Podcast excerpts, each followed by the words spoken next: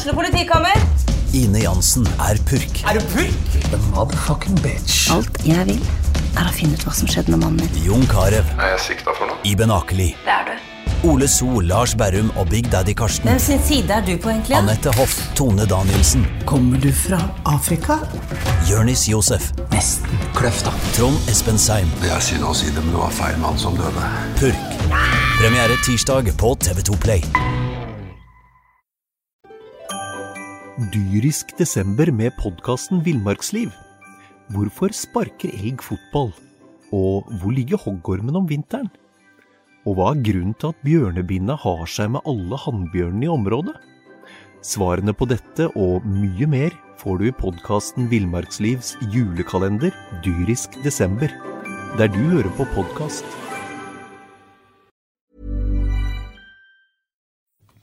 SA-podden blir gitt til deg i samarbeid med Fleksi. Regnskap med et smil.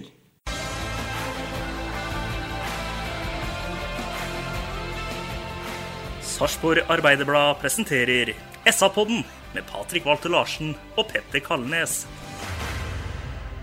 Hallo, hallo, hallo, og hjertelig velkommen til SA-podden som blir spilt inn rett etter en heidundrende match på Sarpsborg stadion, der Sarpsborg 08 slo Start 4-0. Velkommen til SA-podden, Binge. Schönen guten Abend. Hei, hei. Velkommen til SA-podden, Petter. Sarpsborg.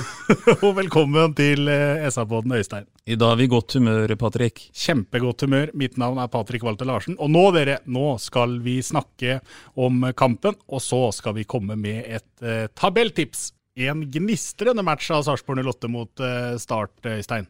Ja, det sies jo at en god generalprøve gir en dårlig premiere. Det tror jeg bare er litt sånn fattigmannstrøst. Jeg tror på at en god generalprøve gir en god premiere, og da tror jeg vi kan se lyst på det vi snart skal sette i gang med. Ja, absolutt. Tre treningsmatcher før eh, seriestart og tre gode eh, seire.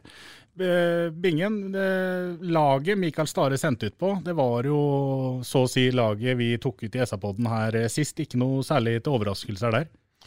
Nei, fint at han setter laget Kanskje et lite spørsmålstegn fortsatt ved et par plasser, men han argumenterer jo godt for det i et intervju med SAs utsendte i går, der han freder én plass, og det er altså spissplassen. Den setter jeg et lite spørsmålstegn med, pluss at jeg eh, kunne ønska på en av cornerne at vi hadde sett eh, vår svenske eh, venn keeperen altså hadde vært ute og prøvd å gå på en av de ballene som svinger inn eh, faktisk innenfor straffefeltet. Ja, Nå er vi tidlig ute med å, med å, med å snakke sarpingene litt ned her, men eh, vi, vi, må fortsette å prate dem opp. Altså, fordi at eh, Start hadde ikke én en eneste målsjanse gjennom 90 minutter på stadion.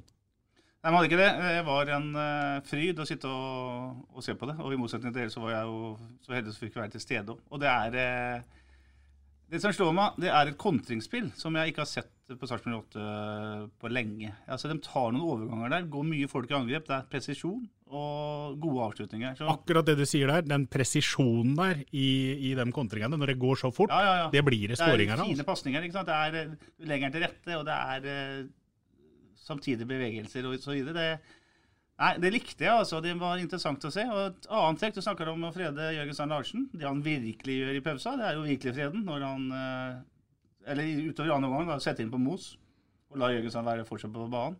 Det betyr at den førsteplassen som uh, Førsteplass, hvis det noe heter det, som midtspiss, så er jo den Strand Larsen sin. Spissplassen av Strand Larsen sin, det, det viser han jo fram med de byttene der, og det han sier.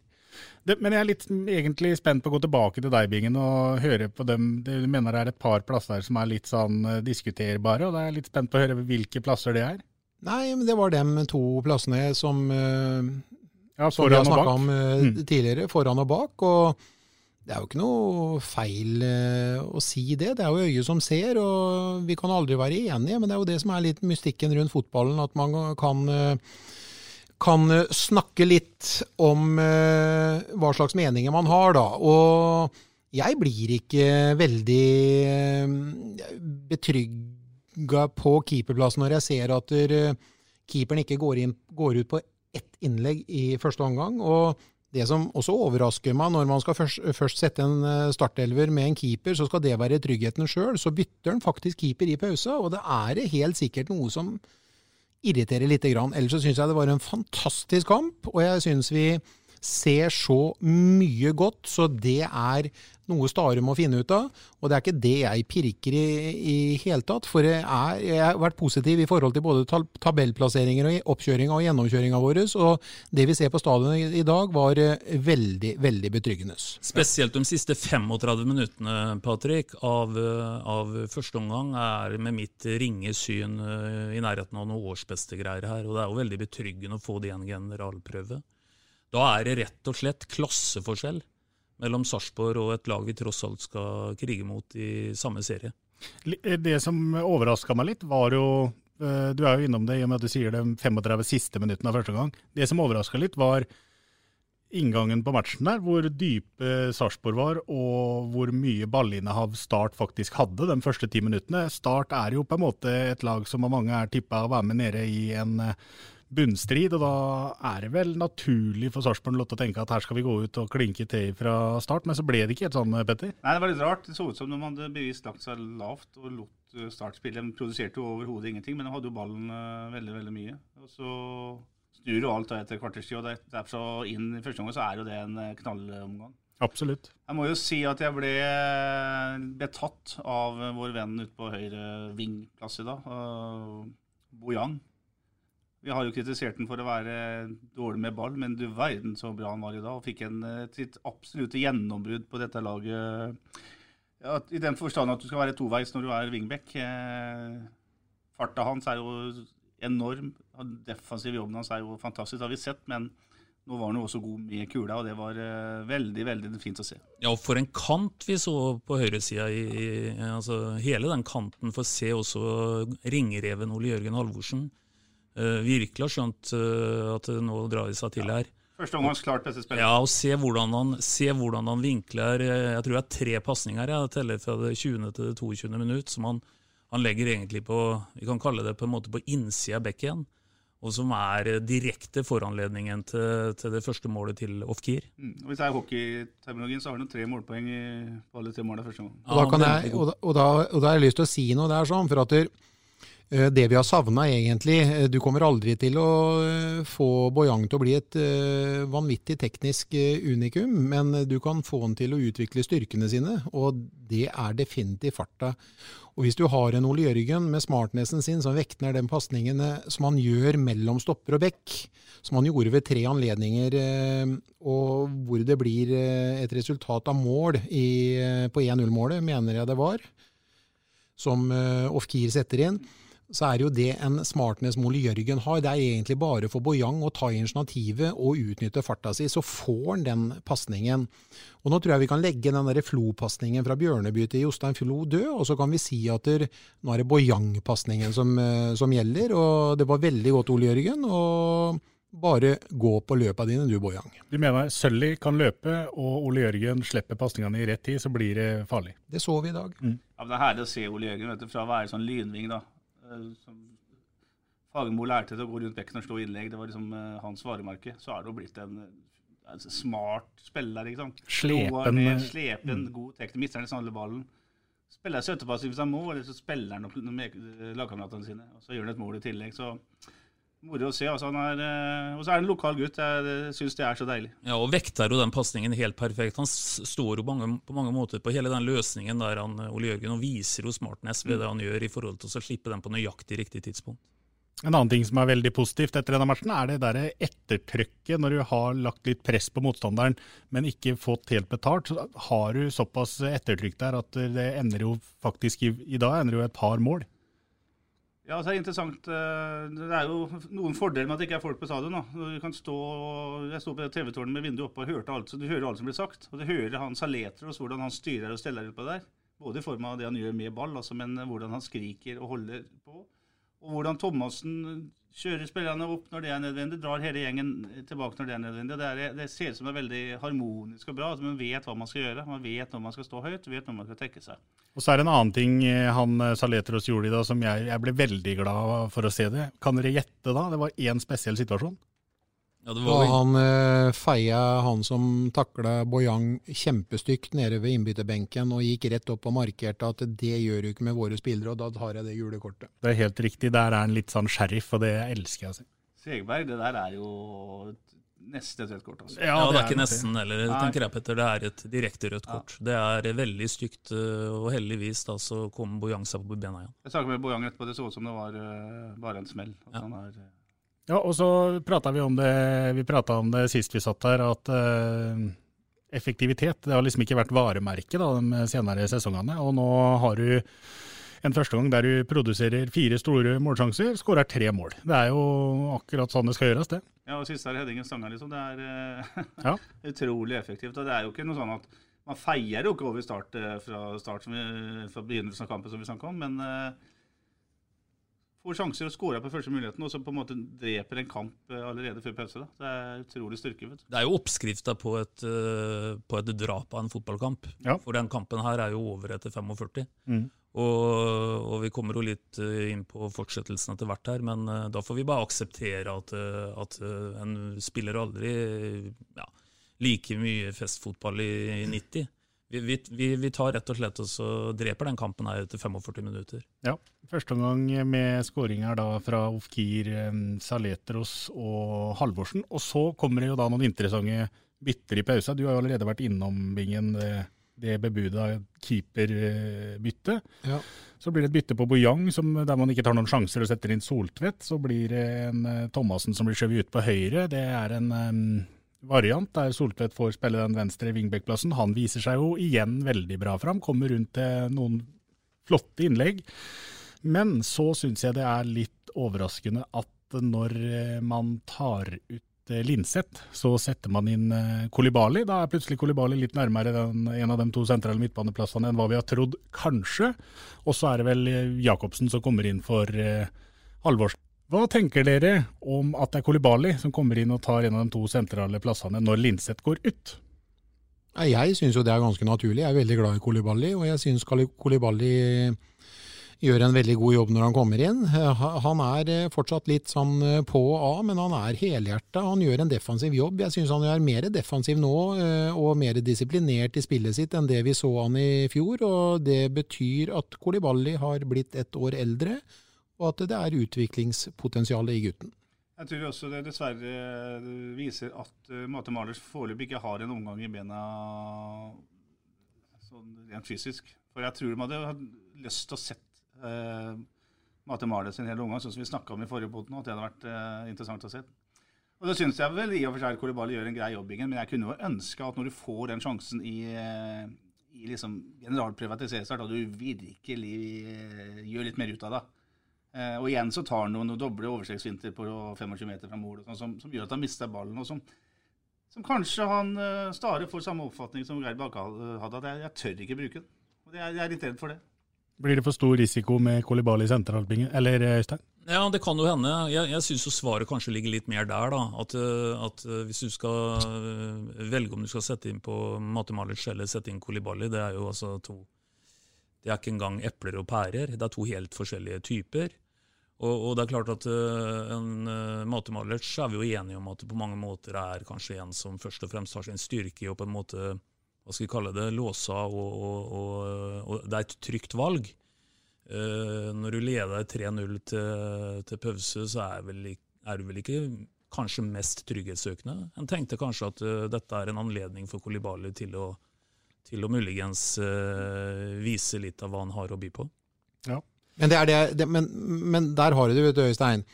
Uh, jager du mål, så setter du inn på Kolibali. Skal du stenge, ja, så setter du inn på, på, på Mate Malic. Ja, jeg er enig i det, for så vidt. Og så er Bingen 100% rett i at Kolibali er mye mer komplett fotballspiller nå altså, enn det han var da han eh, Ja. var et par år yngre. Det er ikke noe tvil om. Men eh, fortsatt har han litt igjen. Ja. Jeg, da. Ja, det kan vi vel være mer eller mindre enige om, alle mann. Han eh, er i hvert fall, eh, i, hvert fall med i den kampen om eh, å få seg en plass sentralt på midtbanen. Igjen så føler jeg jo litt at eh, det dør ut de siste 20. Det er klart det blir bytta en del eh, fra Start sin eh, side òg, men eh, igjen, det er liksom Det er ikke noe mer eh, krutt egentlig i noen av lagene de siste 20, og det er jo litt rart, i og med at det er en del spillere som kommer inn og som bør ville vise seg fram for eh, å få en plass i laget? Jeg tror det er helt naturlig. Det blir for mange bytter. Blir det seks eller syv bytter, bytter totalt på 08 sitt lag? Og det er klart at vi har eh, mer eh, spissing på enkeltspillere i år enn det vi har hatt tidligere.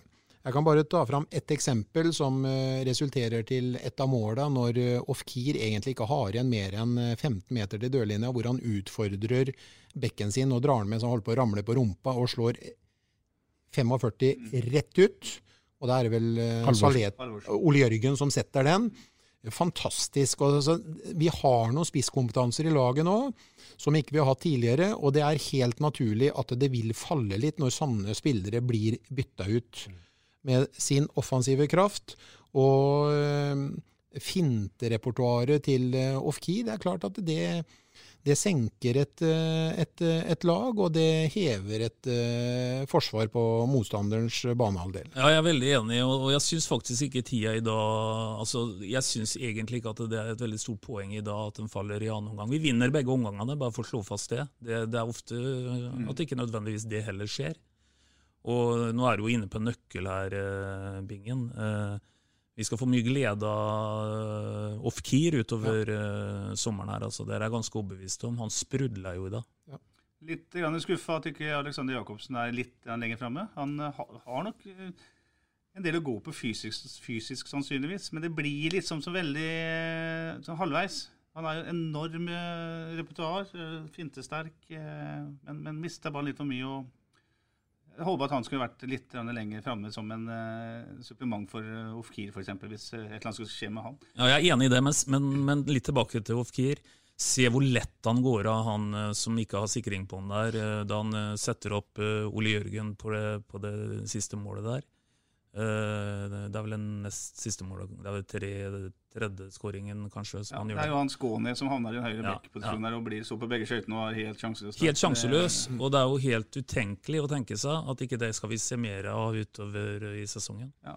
Det som er litt, eh, bare for å ha sagt det, det er jo en off-keer som, som, har spilt uh, eliteseriefotball tidligere uten å på en måte slå ordentlig til. Når vi har sett den forsesongen vi har sett av han nå, så er det jo om ikke utenkelig, så er det i hvert fall veldig usannsynlig at ikke han skal være en stor bidragsyter i dette Sarpelaget i år. Ja, sånn som han har fremstått, så kommer det til å være det. Og den venstresiden vi har snakka om eh, Vi har snakka om Bojang og Ole Jørgen òg, men jeg må jo si at eh, Joakim spilte jo med en eh, entusiasme i dag. og det var ikke noe tvil om at han ønsker den plassen. og Eh, på den siden spilte også Off-Key, så jeg syns det var et eh, komplett lag som vi så i, eh, når vi hadde førsteelveren på, på, plass i dag. På begge sider, på sentralt. De tre bak må vi aldri glemme, verken på dødball eller på fysisk spillestil. Det gjør vondt å møte Sarpsborg 08 med de tre bak òg, altså.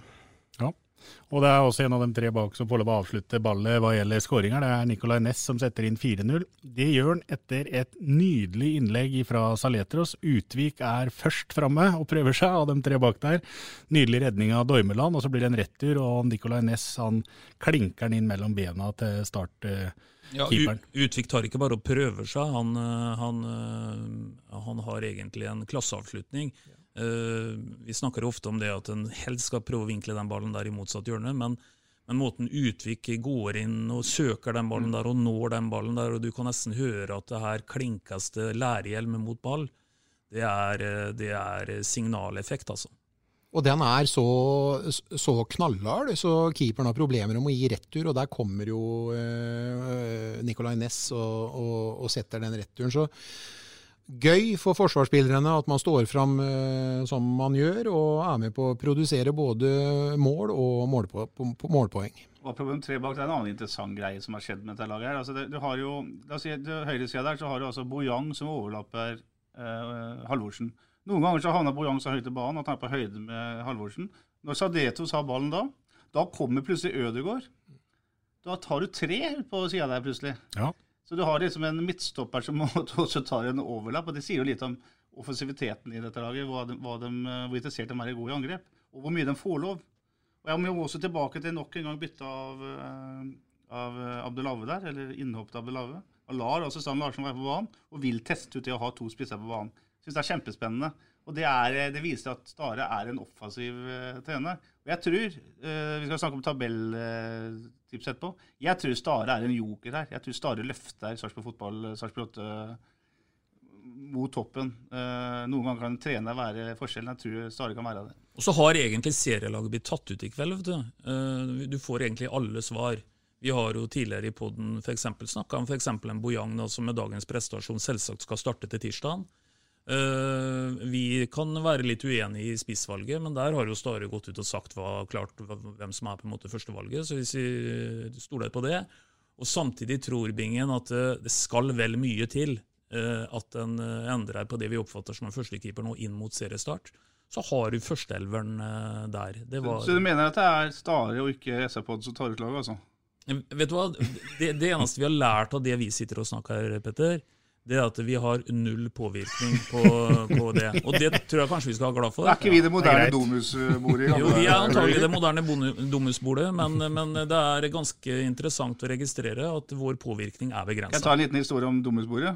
Det var jo en gjeng som satt der og to, som tok ut laget. Kolbjørn var bl.a. med der, Bjørning, var det ikke det? Men jeg var eh, på et selskap med han, eh, et selskap, altså. Vi var ute og tok en øl med han Svein René Nygård, hjem, og da fortalte jo han at han hadde vært innom det bordet og fått med seg en lapp hjem til treneren til eh, Sarpsborg fotballklubb med laguttaket. Her har du laget. Han fått en, Sven er jo har respekt for guttene på dobbeltbordet, så han gikk og leverte den til treneren. Treneren tenker litt, og så er det spillemøte, og så leser han sånn halvveis på den lappen. da spiller nummer én osv. Så når ja, Domus-bordet kunne ta til lag, så kan du få pokker vi det òg. Jo, men det som var, som var, fortsettelsen på historien til Petter, for jeg var i tilfeldigvis det samme laget som han Petter snakker om her, det var jo at det laget inneholdt jo en del kontroversielle uttak. Men allikevel så hadde Domus-bordet såpass skredd at det var ikke noe å diskutere. Hele den elveren de tok ut som innebærte noen bytter på SFK den gangen, det gikk rett igjennom gikk på en igjennom. serviett. La oss forklare hva dette dobbeltsporet var, Bingen. Du ser hvem som satt der. Ja, det var jo Knut Spydevold, det var jo Kolbjørn Nilsen, eh, det var eh, Kai Andersen på kemnerkontoret, det var Steinar Pettersen, eh, frisøren. Det var mange i bybildet den gangen som tok lunsjen sin på Domesporet. Vær så god til eh, alle dere som er over 50 eh, år. Der fikk dere en fin eh, referanse for oss andre som, som aldri har vært på Domus. Vi sitter og klør oss i huet, men det er jo greit nok, det. Fine historier er det uansett. Men det er jo litt som du er inne på, Øystein. Da. Altså det, det laguttaket som kom i dag, det har vi sagt tidligere her i dag. og Det var jo, det var jo ingen overraskelser der. Det, det blir jo ikke blåst av banen. Vi vet jo etter å ha sett det vi har sett tidligere, at det her er laget. Ja, Det som vil være overraskende, er hvis ikke den elveren som starta i dag, starter til tirsdag. Ja, enig. Uh, jeg vet ikke hvor, uh, også Uavhengig om en er enig eller uenig i alle mulige valg her, men ut ifra hva som både nå er sagt og hva det er uh, gjort, så, så, ble elveren i dag vist fram på Sarpsborg stadion for tomme tribuner.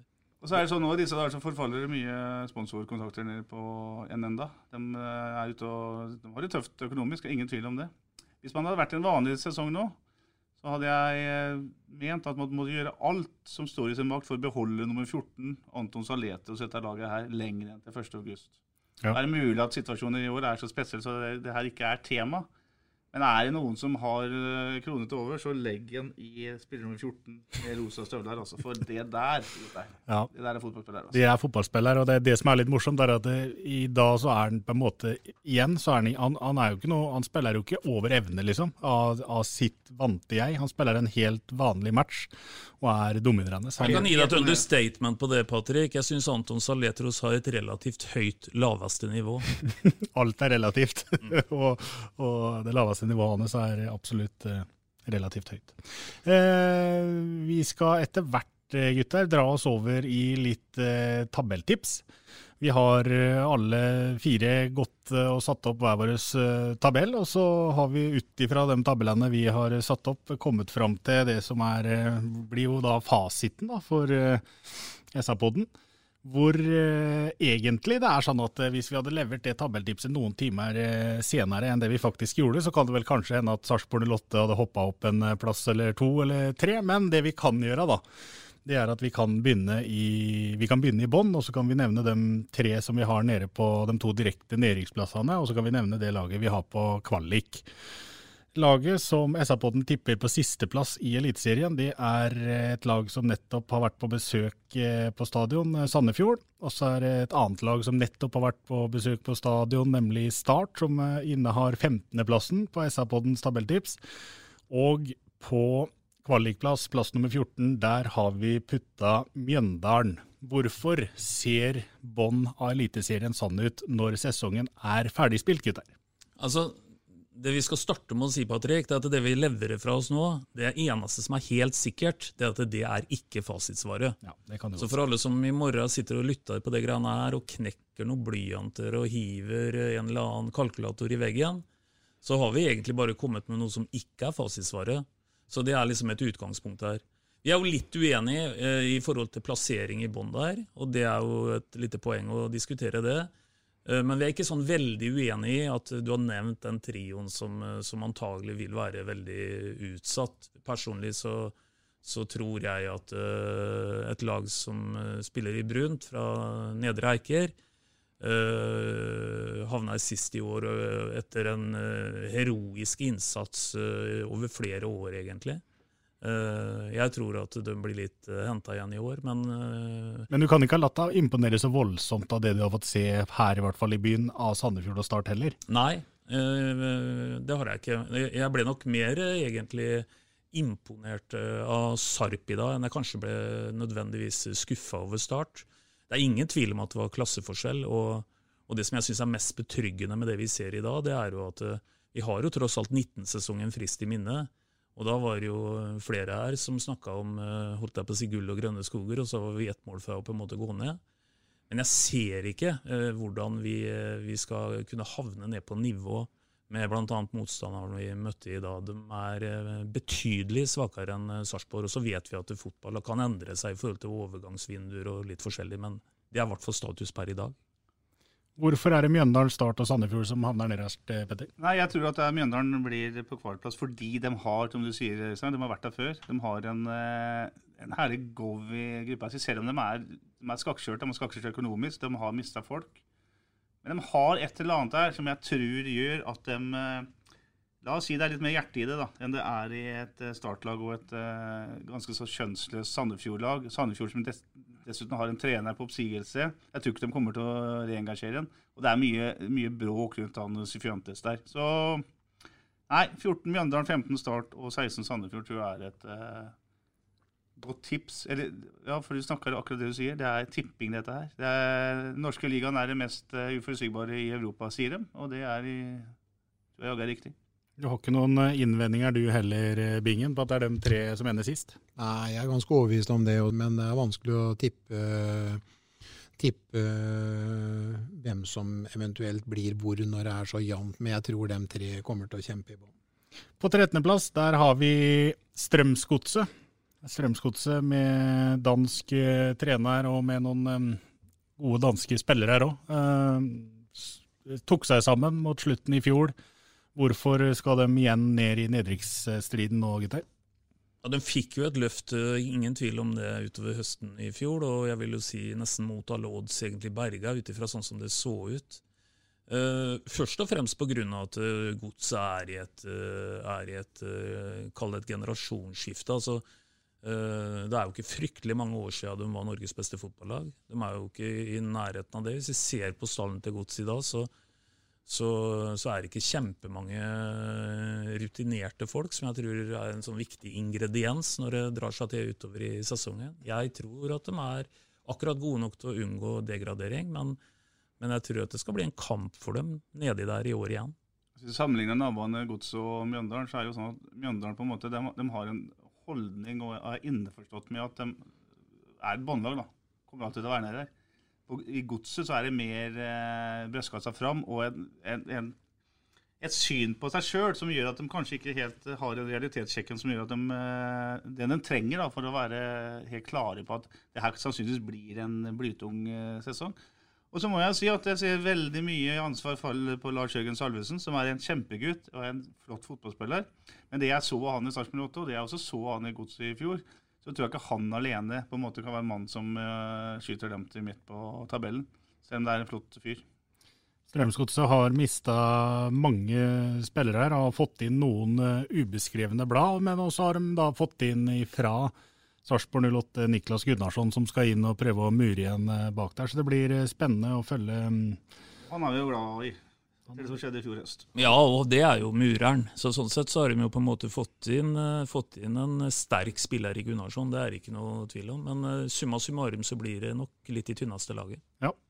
Da beveger vi oss opp på tolvteplass, og der har SA-podden funnet plass til det eneste da nyopprykka laget, som SA-boden ikke mener skal rett ned igjen. Det er eh, Ålesund. Hva tror du eh, Lars Bohinen kan eh, få til på Color Line stadion? Jeg tror det tabelltipset er veldig reelt. Når du får så mye poeng i en opprykkssesong som det Ålesund fikk i fjor, så er jeg helt sikker på at de har mye å bidra med i Tippeligaen i år. Og så går vi litt kjapt videre, for det her kommer til å ta tid. vet du. Det er eh, mange lag som det skal prates om her, og da kommer en eh, Kan jo kalle det en liten overraskelse fra eh, en kamp om medaljene i fjor, men så har de mista treneren, og dermed så har ikke SA-podden mer trua på Odd enn at vi har plassert dem på ellevteplass. Nei, det er ikke så lett å hoppe etter uh, verken Wirkola eller Dag Eilif uh, Fagermo. Fagermo er omstridt, men han hadde den klubben i, en, uh, et jern og jerngrep. Jeg tror Odd uh, kommer til å lide av det. Jeg tror de trenger litt tid på å omstille seg og, og finne seg sjøl med, med et nytt eh, regime. Eh, og så har de jo en storskårer i Børven som vel er eh, sannsynligvis på vei bort. eh, og sannsynligvis en fyr som de eh, av økonomiske årsaker også kommer til å slippe. Så han var jo veldig avgjørende for dem i fjor. Helt klart, og så har de mista både en meget viktig mm, unggutt og en meget viktig eldre herremann, Jona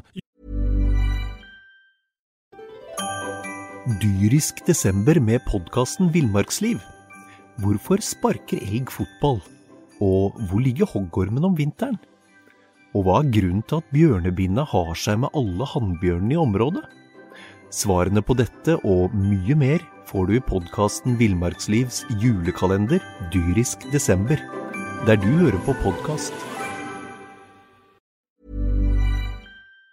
Jone Samuelsen og Philip Delaverie de forsvinner begge to ifra Odd. Men en ting som blir veldig spennende med Odd, det er jo å følge den tidligere Sarpsborg Lotte-spilleren som kommer eh, fra Sandnes Ulf, nemlig Kachi. Se om han kan eh, bøtte inn noen mål sammen med godeste Børven. Ja, altså Han har jo vist noen tendenser han i oppkjøringa, og at han har uh, tatt, uh, tatt ytterligere steg. Så det er klart at Kachi kan, eh, kan godt være uh, og blir sikkert en positiv bidragsyter for, for Odd. Men jeg tror litt som Petter sier, at det er ikke noe veldig sånn De har ikke veldig mye ressurser der borte heller, og kanskje de ender opp med noe i løpet av sommeren og kanskje selge den beste de har, egentlig, da, i Torgeir Børven. Så jeg tror eh, Odd, eh, Odd kommer til å eh, slite mer enn de har gjort de siste sesongene. Og ikke minst, som Petter også er innom, at, at de har jo mista en, en relativt merittert arbeidsleder. Mm. Vi har altså ikke noe stor tro på Odd fordi de har mista Dag Eile Fagermo.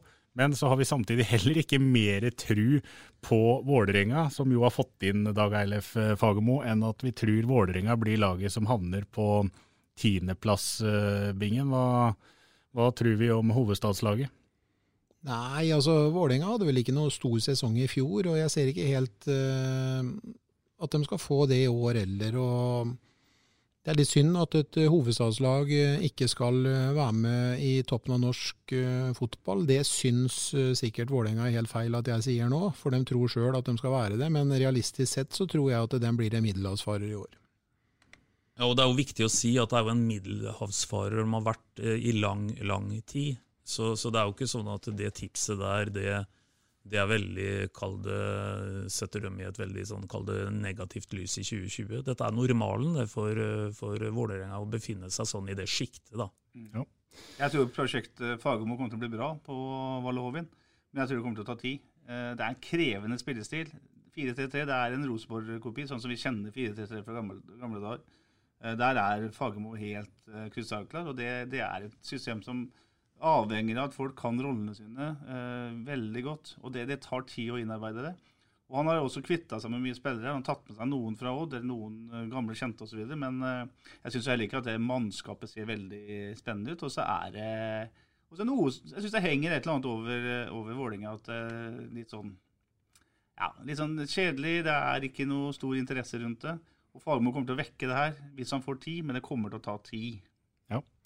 Han eh, kommer antageligvis til å få, få tida til det òg, så får vi se hvor høyt opp Fagermo kan ta Vålerenga etter hvert. Vi, Ja, det er ikke sikkert han får den tida, da. Det får vi jo se. Det vil jo Hvis, tida vise. vaker, hvis Vålerenga ligger vaker nedpå der, så er det ikke sikkert han får den arbeidsroa han trenger. Nei. Uh, vi har kommet oss opp nå til niendeplass. Og på niendeplass, der tror SA-podden at eh, Stabæk ender. Hvorfor det, Øystein? Nei, Det er ikke jeg kanskje den riktige til å svare på, egentlig. For jeg tror kanskje Stabæk kan være overraskelseslaget i år og havne litt høyere enn det. Men, øh, men øh, det er jo bare en sånn en øh, magefølelse. Det kommer alltid en eller annen overraskelse. Skal jeg peke på noe med Stabæk som gjør at jeg tror Stabæk får gå mot en sånn rimelig solid sesong, så, så har de jo fått tilbake en gammel kjenning i, i sjefsrolla, Jønsson. Og jeg syns han begynte å få form og fasong på dette her eh, allerede i fjor høst. Og Stabæk er jo på mange måter også en talentfabrikk, det òg. Så, så jeg tror Stabæk skal han eh, sette et lite, lite obs ved. Ja, Spørsmålet er om de er for unge, Bingen. Sånn, eh, det er for mange unge. Nei, jeg vet ikke. Jeg syns de er jo kjempegode med akademiet sitt. og dem, eh, vi, vi ser at de er jo gode nok, så spiller de jo. og Det har eh, Stabæk bevisst eh, etter de kom tilbake år etter år. og de kan være det laget med uforutsigbarheten som gjør at de kan kanskje være et lag som blander seg inn enda høyere. Ja.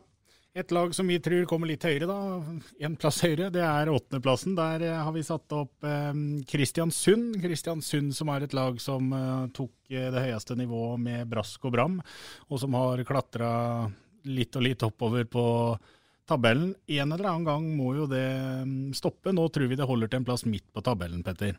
Ja, De har ikke bare klatra litt. Vet de har, jeg tror de har 15 år på rad nå, med tabellmessig framgang. Det er helt sjukt. Det Altså. har vært en helt utrolig reise, som det heter, eh, i Kristiansund. Jeg tror da kanskje de får en liten, en liten eh, dalende kurve i år. Jeg tror eh, den enorme entusiasmen som de har, som de har levd, av, levd på, er ikke så lett heller når det er tomme tribuner. Og kanskje er det litt slitasje rundt Christian Mikkelsen, eksempel, som har vært der veldig lenge. De har mista Klæbu, en veldig veldig bra assistenttrener som havna i Fredrikstad.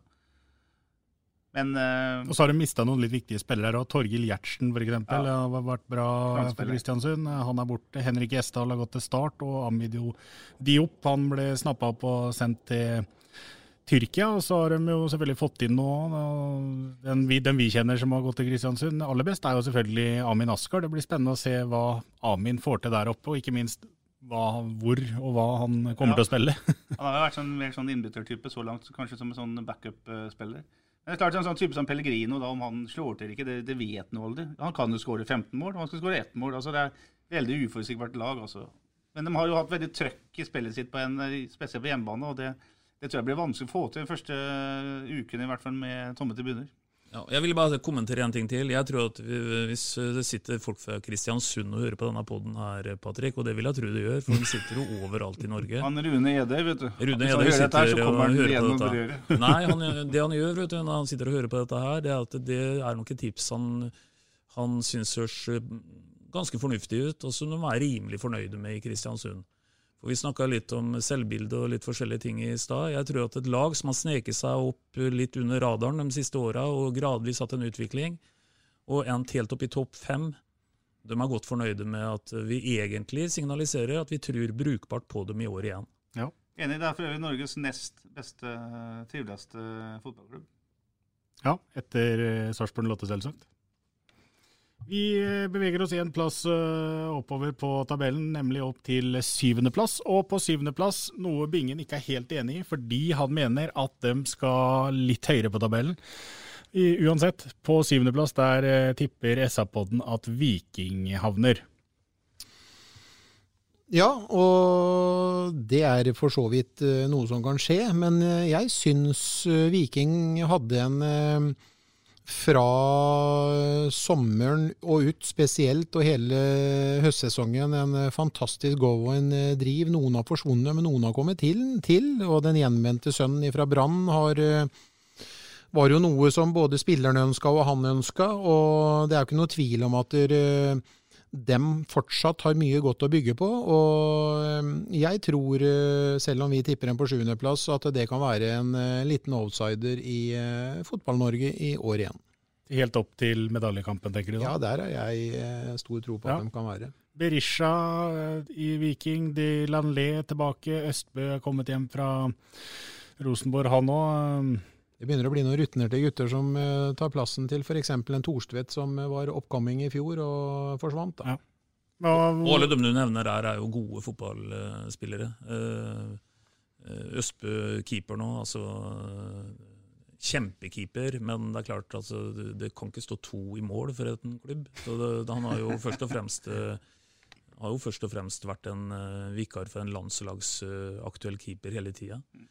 Østbø er en bra keeper, for ikke snakke om da, de to andre du nevner, med, med kanskje Berisha i spissen, som, som, har vist et voldsomt potensial tidligere. i hvert fall. Så synes jeg Det er eh, veldig morsomt med Bjarne Berntsen, da, som er virkelig er tilbake i manesjen. Jeg synes Det er artig med sånne erfarne trenere som ikke det er sikkert ikke så veldig så moderne som den som er nyutdanna. Det er ikke så mye, kanskje så mye skjeglere og hopp og her, men det er fotballfag, altså. Fotballfag. Vekk mot England i 81, og nå trener han damelandslaget, har vært høyt oppe i Fotballforbundet. Vært alt i norsk fotball. Plutselig så, så er han topptrener i Eliteserien. Jeg syns det er helt nydelig. I fjor ble, ble Berntsen kalt dinosaur, tok Viking til femteplass på tabellen og til cupgull. Dinosaurer er fine dyr. Dinosaurer var fine skapninger. Vi har en sjetteplass som vi må komme oss til. Det er jo kanskje også en eh, liten overraskelse hvem vi har plassert der. For eh, i fjor så havna dem så høyt opp som på annenplass, eh, Øystein. Der har vi nemlig Bodø-Glimt. Ja, da er jeg der litt at jeg tror de får en liten reaksjon da, på en egentlig helt outstanding sesong i fjor. Altså, Det var ingen som forventa at de skulle ta sølv i, i Bodø. Uh, noe jeg for øvrig syns er uh, fantastisk morsomt, at det innimellom skjer sånne ting som det. Og da vil jeg bare si det at uh, jeg heier alltid på at ett sånt lag innimellom kan, kan klø dem store litt på ryggen, for det gir så vanvittig inspirasjon til andre byer som kan sammenligne seg i denne sammenheng med, med Bodø. Men å kopiere denne sesongen, det tror jeg ikke de greier. Jeg tror også Bodø-tilhengere i utgangspunktet er fornøyd med at de blir tippa inn topp seks. Ja, og blant annet da mista førstekeeperen sin eh, Friedrich. Eh, I tillegg til flere andre, så er det jo selvfølgelig spillere inn der oppe, men litt mer eh, ukjente for oss som følger den norske eliteserien tettest. Bingen, du har ikke noe stor tro på at det går noe høyere opp enn sjetteplass for Bodø Døhli? Nei, og når du mister eh, Nå husker ikke jeg hva han uh, Lajoni tenker du på? Nei, Lajoni var jo en veldig god spiller som er uh, borte. Men jeg tenker mer på han som ble solgt til, uh, til Holland. Som kom fra ingensteds eh, hen og var kanongod og satte sitt preg på alle kamper han spilte. Og hadde både assist og masse målpoeng. Men eh, Håkon Evjen. Helt riktig. Når to uh, offensive spillere som både Evjen og Lajoni forsvinner, så vil ethvert lag merke det. Så eh, jeg tror Bodø-Glimt eh, er litt eh, tilbake til basic, og den tabellposisjonen i fjor den kommer ikke dem til å leve opp til i år. Så har vi kommet til femteplass på tabellen, og der har vi rosina i pølsa, hadde jeg sagt. Der tipper vi at Sarpsborg 08 havner. Hvorfor det, Bingen? Fordi at det vi så på Sarpsborg stadion i dag, ikke var noe som eh, er tilfeldig. Vi fremstår eh, som et meget godt lag i generalprøva, og det har vi faktisk gjort gjennom hele oppkjøringa. Vi har ikke hatt noen stygge bommerter i hele tatt.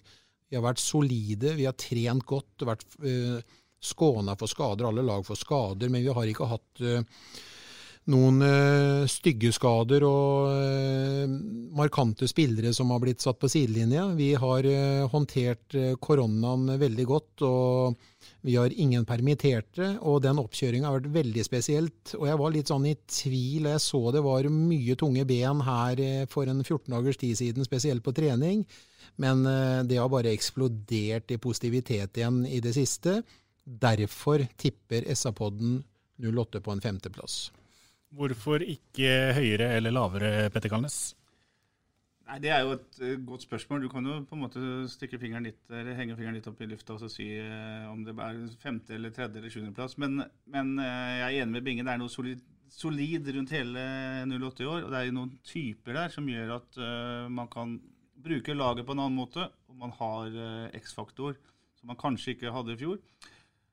Og så er det jo sånn, da, Øystein sier at et av de mindre lagene skal opp og klø de store på ryggen. I år så håper vi at det blir Sarpsborg 8. Vi, eh, jeg kan ikke si jeg er 100% sikker på det, men jeg tror det. For det er, en, det er en herlig trøkk, et herlig trøkk, og det er en positivitet.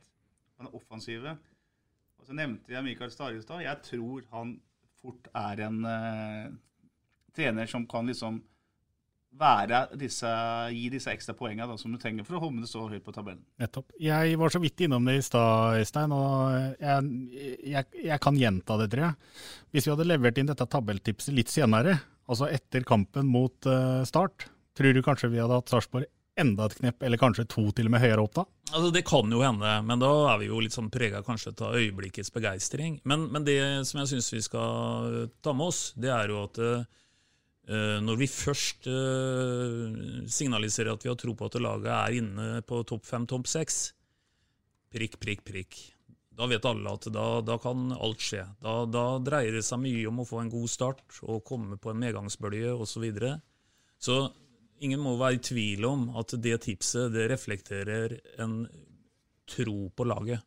Og, og, og da, da, er alt uh, mulig.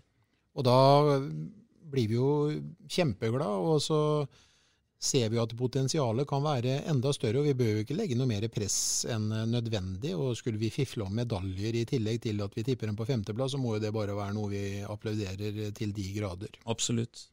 Enig. Femteplass altså, tipper SA-podden for eh, Sarpsborg 08 i år. Da kommer vi oss da etter hvert opp på fjerdeplass. Og på fjerdeplass, eh, Petter, der har SA-podden Haugesund. Ja, det er snakker om at Sarpsborg 8 er solide, men Haugesund er solide. De, de, jobber bra fra år til år, er flinke på å spille logistikk. Eh, er en klubb som er litt sånn eh, under radaren gjør det bra år etter år etter år. Eh, god ledelse. Grindhaug kjempeflink. Jeg tror også det er ganske trygt økonomisk. Tror Haugesund har ressurser til å hente de spillerne eventuelt trenger hvis det skulle gå litt skeivt fra starta her. Ja, jeg tror de er et topp fem-lag, og fjerdeplass der er et godt tips. Og så er vel Haugesund også et lag Stein, som på en måte har de har en del sånne De har noen bautaer i, i, laget sitt, og noen som uh, alltid står fram. Og så er det alltid vanskelig å reise bort på Haugalandet der for å ta med seg poeng hjem. Ja, for meg så er egentlig Haugesund i norsk fotball litt sånn synonymt med soliditet. De har over tid gjort, eh, gjort gode sesonger og, og, er et veldig etablert lag på øverste halvdelen i Norge. Og ja, det er som bare eh, støtte opp det som blir sagt her. Det er, eh, det er veldig solid, det håndverket som de gjør borte på Haugalandet. Vi drar oss uh, kjapt videre, vi, for det, nå går tida fort her. Vi skal opp på pallen, holdt jeg på å si, opp uh, til medaljene. Og på tredjeplass, der har uh, vi en, en, liten overraskelse kanskje, Binge. Der tipper vi nemlig at Brann havner.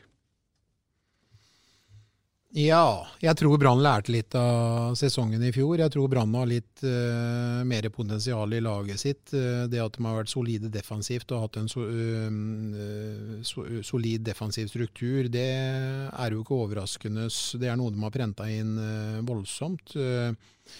Så får vi se om de får, uh, har jobba godt nok med det offensive, men at uh, de har noe å bevise offensivt etter fjoråret i antall mål og målpoeng. Uh, det er jo heva over enhver tvil, og jeg tror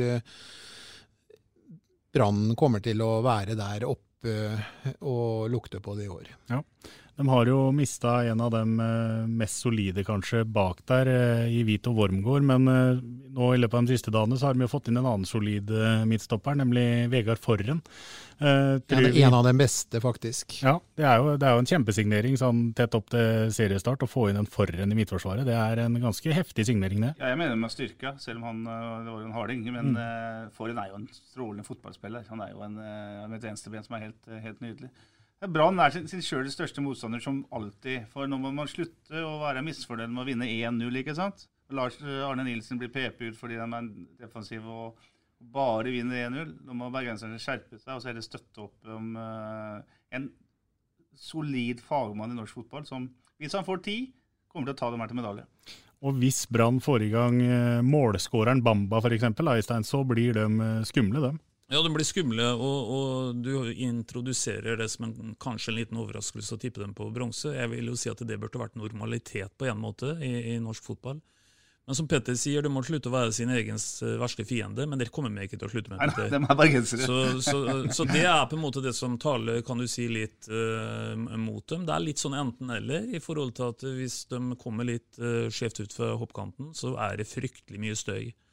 Og eh, vi snakker også om hvis Lars Arne Nilsen får tid osv. Bergen er vel ikke kjent for å hele tiden gi folk mye tid, selv om han begynner nå også å få en viss arbeidsperiode.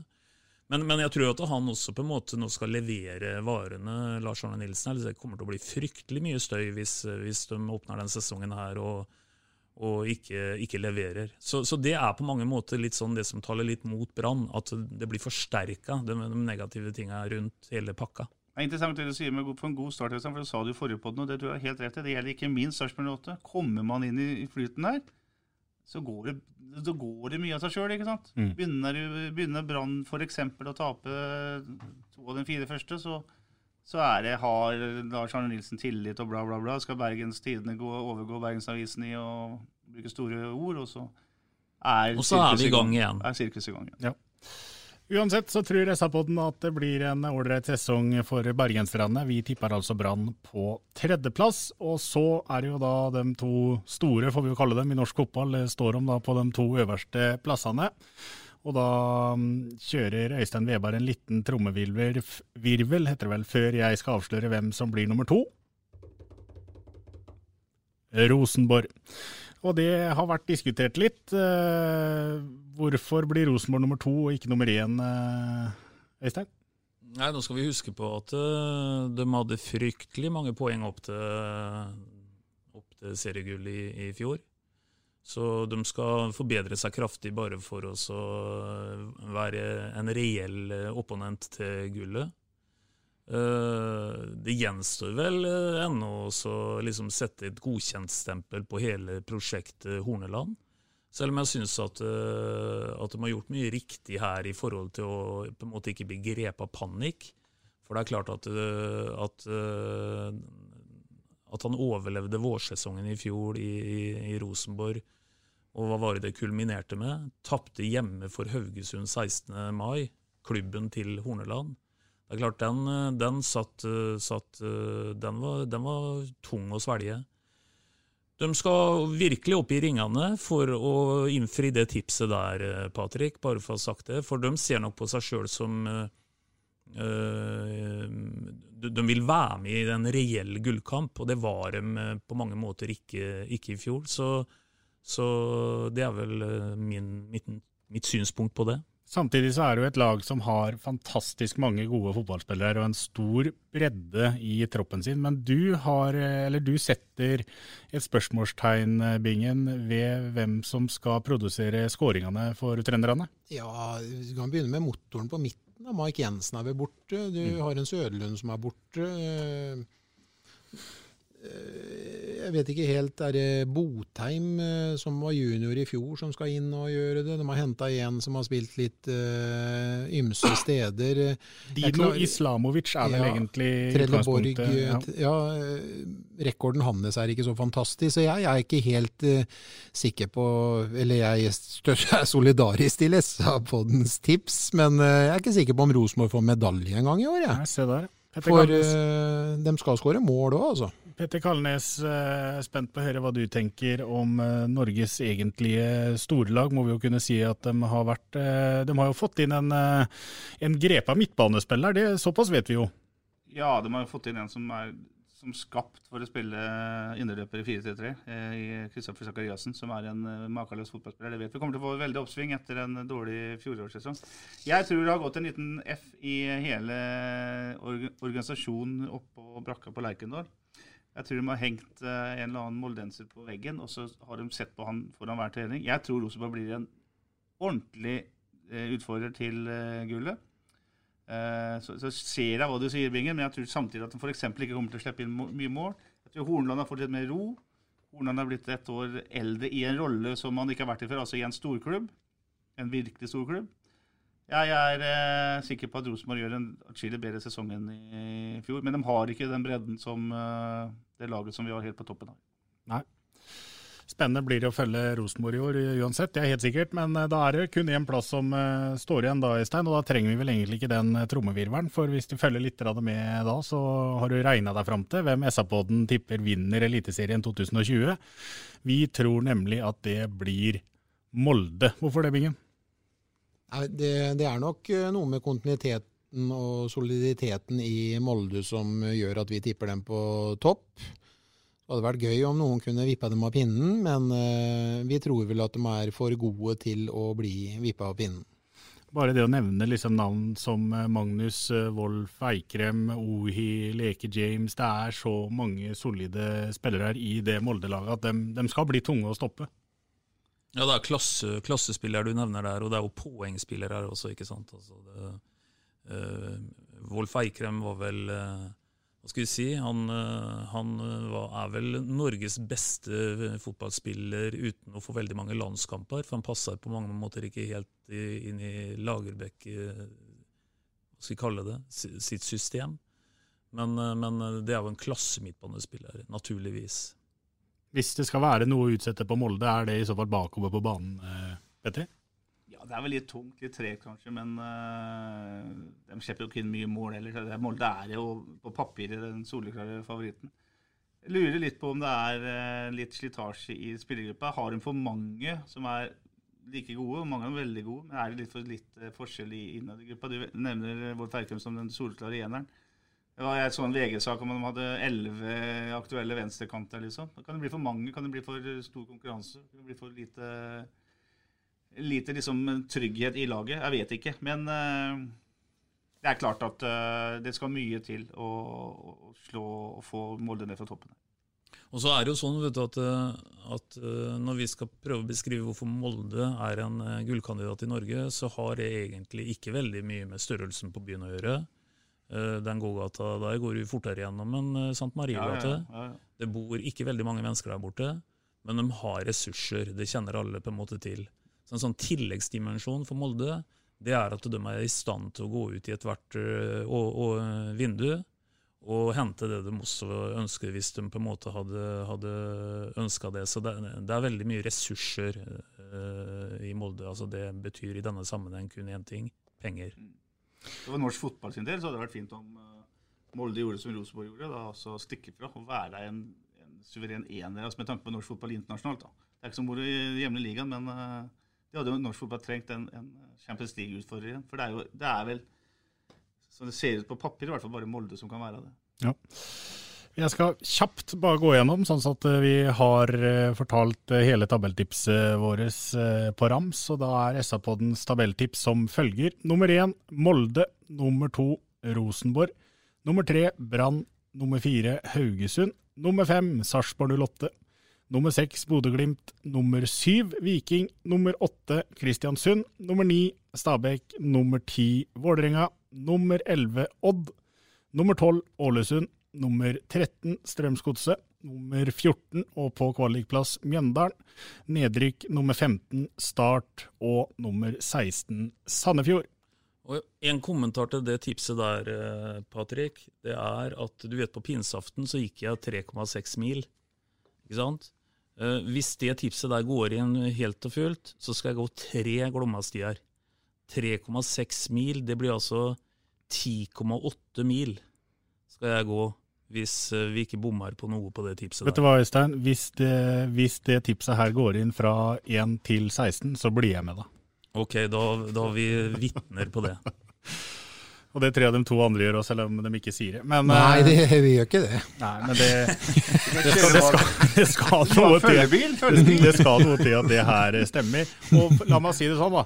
Eh, Det er kanskje vel offensivt, men i utgangspunktet så håper jeg ikke den eh, tabellplasseringa vi har satt Sarpsborg på stemmer heller. Jeg vil jo selvfølgelig ha dem enda høyere opp. Det vil vi alle sammen, Patrick. Ja. Eh, uansett, nå er det altså bare noen få dager til det braker løs, og alle hjerter gleder seg. Sarpsborg 08 med en alle tiders generalprøve der man knuste Start. Vi har ikke sagt et eneste ord om den utleide sarpingens debut for sørlendingene, nemlig Skålevik. Det var ikke veldig mye å si om det heller.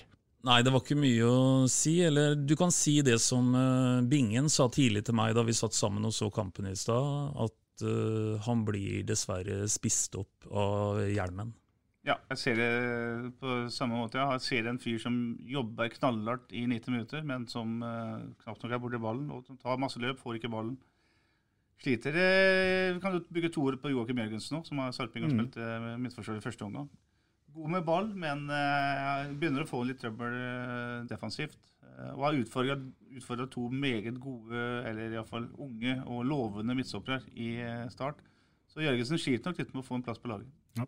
Så vil jeg bare helt sånn avslutningsvis be dere om å se nøye på det bildet som følger med den uh, SA-podden denne uka her. Fordi at vi skulle stelle oss opp her i stad og ta bilde fra gågata opp i redaksjonslokalet til SA. Jeg trodde at jeg hadde et lite snev av høydeskrekk, men det viste seg å ikke være noen ting i forhold til Øystein Veberg. Da holdt du deg godt fast, Øystein. Altså, Jeg er usikker på første trinn på stigen, ja. Og kanskje til og med med høyhæla sko. Så kjenner jeg at jeg blir litt svimmel. Så høyder er ingenting for meg. Det jeg ikke skjønner, jeg var i 50-årslaget nå, Øystein var 50 år, det er jo mange år siden etter hvert. da. Mange år siden. Der ble det sagt, da, litt utpå kvelden nok, at han var ganske god til å nikke da han var fotballspiller borte i Borgar. Men da tenker jeg liksom, du kan jo aldri ha hoppa, for du var vel redd for å gå opp i hodet, altså i form av at det var for høyt over bakken. Ja, det der kan jeg bare enkelt eh, si noe om, og det er at alt du hørte om det er helt 100% korrekt. Var alt jeg hørte var i løpet av det 50-årslaget 100 korrekt? Ja, det med at jeg var god i lufta. Ja, men alt andre som ble sagt da? Nei, altså Det mye, var mye tvilsomt sikkert også som ble sagt her. Vi bør ikke snakke om nivå på det huespillet, eller hvem nivå det var på. Det, nå går vi videre. Og det å gå videre nå, det er egentlig veldig greit. Jeg, jeg syns vi kan avslutte ja, med, med dem, noen av de orda der fra Øystein. fordi at det er en uh, høyderadd og duellsterk uh, Veberg, han eh, er klar for Duellsterk serie. var feil. Uh, var feil. takling? Høy, høyderedd og duellsvak. Ja, uansett, Øystein Weber er i hvert fall klar for seriestart. Det samme er Petter Kalnes og Bingen og Patrick Walter Larsen. Vi gleder oss veldig til det braka løs Sarpsborg Veldig. 08 mot Veldig, Vålerenga. veldig. Veldig, veldig, veldig. Ok, gutter. Da er Neste gang vi sitter samla her, så har Sarpsborg 08 enten 0, 1 eller 3 poeng, og seriestarten har gått av stabelen. Vi gleder oss, og vi prekas! Vi prekas. Ha det. Du har hørt SA-podden med Patrik Walter Larsen og Petter Kalnes.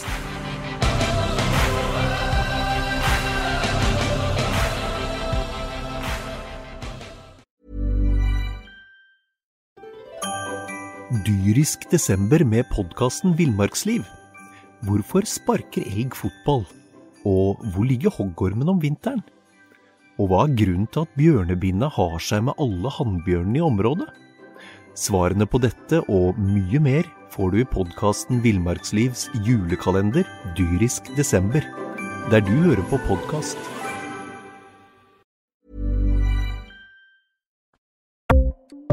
Ukens annonsør er HelloFresh. HelloFresh er verdens ledende matkasseleverandør og kan være redningen i en travel hverdag. Mange av oss har nok vandret i butikken både sultne og uten en plan for middagen, som ender med at vi går for de samme kjedelige rettene gang på gang. Middag burde være dagens høydepunkt. Som HelloFresh kan du nå velge mellom 25 ulike retter hver eneste uke, eller få HelloFresh til å sette sammen menyen for deg. Dette gir deg muligheten til å prøve nye og spennende retter alene eller sammen med familien. Du velger antall porsjoner og får alt levert på døren på et tidspunkt som passer for deg. Oppskriftene er enkle, og maten er lett å lage både for store og for små. Ved å få alt levert hjem får du også mer tid til å dele matgleden med familie og venner. Kanskje det frister med asiatiske tacos eller greskinspirert kylling? Da kan jeg anbefale deg om å gå inn på hellofresh.no. Her kan du bruke koden FOTBALL og få opptil 1779 kroner i rabatt på de første fem matkastene hvis du ikke har prøvd Hello Fresh tidligere. Du kan også bruke rabatten hvis du har vært kunde og stoppet abonnementet ditt for tolv måneder siden eller lengre. Gå inn på hellofresh.no og bruk koden FOTBALL. Har du et enkeltpersonforetak eller en liten bedrift? Da er du sikkert lei av å høre meg snakke om hvor enkelt det er med kvitteringer og bilag i fiken, så vi eh, gir oss her, vi. Fordi vi liker enkelt. Fiken superenkelt regnskap.